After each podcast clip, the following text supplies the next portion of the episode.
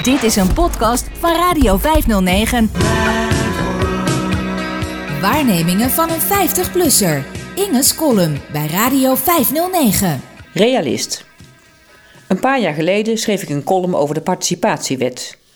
Ik vertelde daarin hoe ingewikkeld het vanuit werkgeversperspectief is om een participant in dienst te nemen.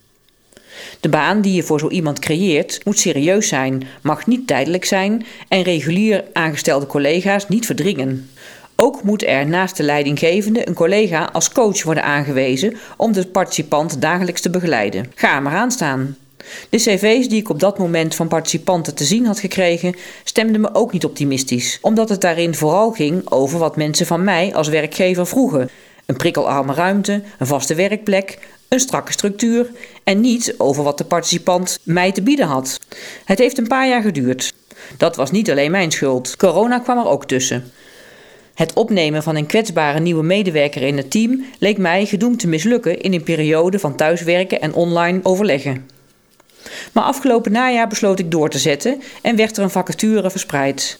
Inmiddels had ik iemand in mijn team die graag als coach wilde optreden en kon ik het aantal uren van mijn team ook uitbreiden om haar daar tijd voor te geven. Tot mijn verbazing kwamen er een stuk of vijf reacties op onze vacature van inhoudelijk zeer sterke kandidaten en voerden we drie interessante sollicitatiegesprekken. We kozen iemand uit die sinds 1 maart bij ons werkt. Ik noem haar hier Astrid, al heet ze zo natuurlijk niet. Astrid's proefplaatsing wordt per 1 mei omgezet in een detachering van een half jaar, die, na een verlenging van nog eens een half jaar, volgend jaar mei hopelijk resulteert in een echte door de universiteit betaalde baan. Mijn collega, die als coach van onze participant optreedt en daarvoor ook in training heeft gevolgd, vertelde mij dat het woord participant alweer uit is. Tegenwoordig spreekt men van realist. Een realist is iemand die een realistisch beeld heeft van zijn of haar functioneren, de valkuilen, mogelijkheden en aandachtspunten.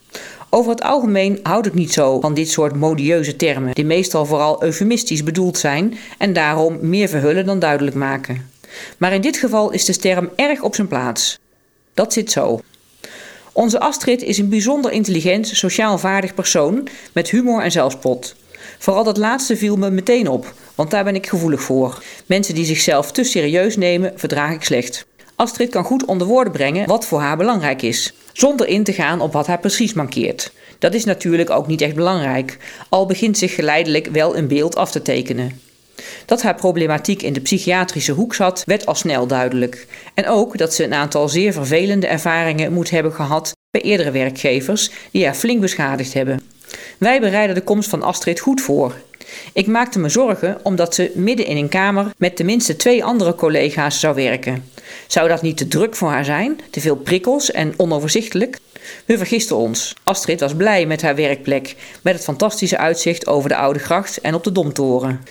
Na een paar weken ontdekte ik per toeval dat ze de aanwezigheid van kamergenoten juist nodig had. Alleen zijn in die grote ruimte vond ze eerder bedreigend dan rustgevend.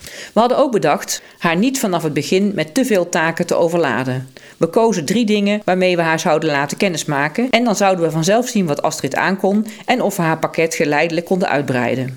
Vorige week merkte ik dat Astrid zich zo focuste op haar eerste opdracht en de tijdslimiet die daar voor haar gevoel aan verbonden was, dat ze er gestrest van raakte en bang was dat dit haar niet zou lukken. Toen ik haar verzekerde dat ze er best wat langer over mocht doen, dat we gewoon een studentassistent zouden inschakelen als het haar toch niet lukte en dat mij dat niets kon schelen, was ze tot mijn verbazing letterlijk in tranen van opluchting. Ik gaf haar direct een paar andere taken om ervoor te zorgen dat ze zich niet nog eens zo heftig op één taak zou storten. En ik sloeg de plank nog een keer mis door mijn eigen afkeer van coaches en arbeidsdeskundigen op haar te projecteren. Toen zich in de eerste week dat Astrid bij ons werkte maar liefst drie mensen bij mij meldden die haar wilden bezoeken op haar werkplek, hield ik dat chagrijnig af. In de veronderstelling dat Astrid wel gek moest worden van al die UWV-types en jobcoaches. Ik dacht dat ze zich ongemakkelijk zou voelen tegenover haar nieuwe collega's met al die hulptroepen zichtbaar om haar heen. Op die manier zou ze natuurlijk nooit een gewone collega worden, mijn belangrijkste streven voor haar. Astrid zelf bleek veel milder. Ze vond het wel wat veel, maar ze zei ook dat het goed voor haar was, die bezorgde mensen. Dan kon ze in ieder geval niet vergeten wat haar zwakke plekken waren en daar, zoals zo vaak in het verleden, overheen walsen, met alle vervelende gevolgen van dien. Astrid was duidelijk niet van plan een gewone collega te worden, omdat ze simpelweg te veel slechte ervaringen had opgedaan met dat gewoon doen. Ik stond ervan te kijken en moest tegelijkertijd lachen om mijn eigen domme goeddoenerigheid. Hoe kwam ik erbij om te denken dat mijn ervaring met het UWV maatgevend zou zijn voor anderen? Wat wist ik van Astrid en haar problemen? Evenveel als de gemiddelde ziende van mijn oogafwijking en de gevolgen die dat voor mijn leven heeft. En waarom zo betuttelend doen met voorzichtig beginnen? Waarom was ik er niet opgekomen om haar gewoon zelf te vragen wat ze een prettige manier van werken vond? Een realist, dat is Astrid. Zelden hoorde ik een modieuze term die zo passend bleek te zijn. Hoe het ook verder gaat met Astrid, wij leren er nu al verschrikkelijk veel van. Zo concludeerden mijn collega en ik van de week tevreden. Doe ons nog maar een paar van die realisten. Radio 509 geeft je elke dag een goed gevoel.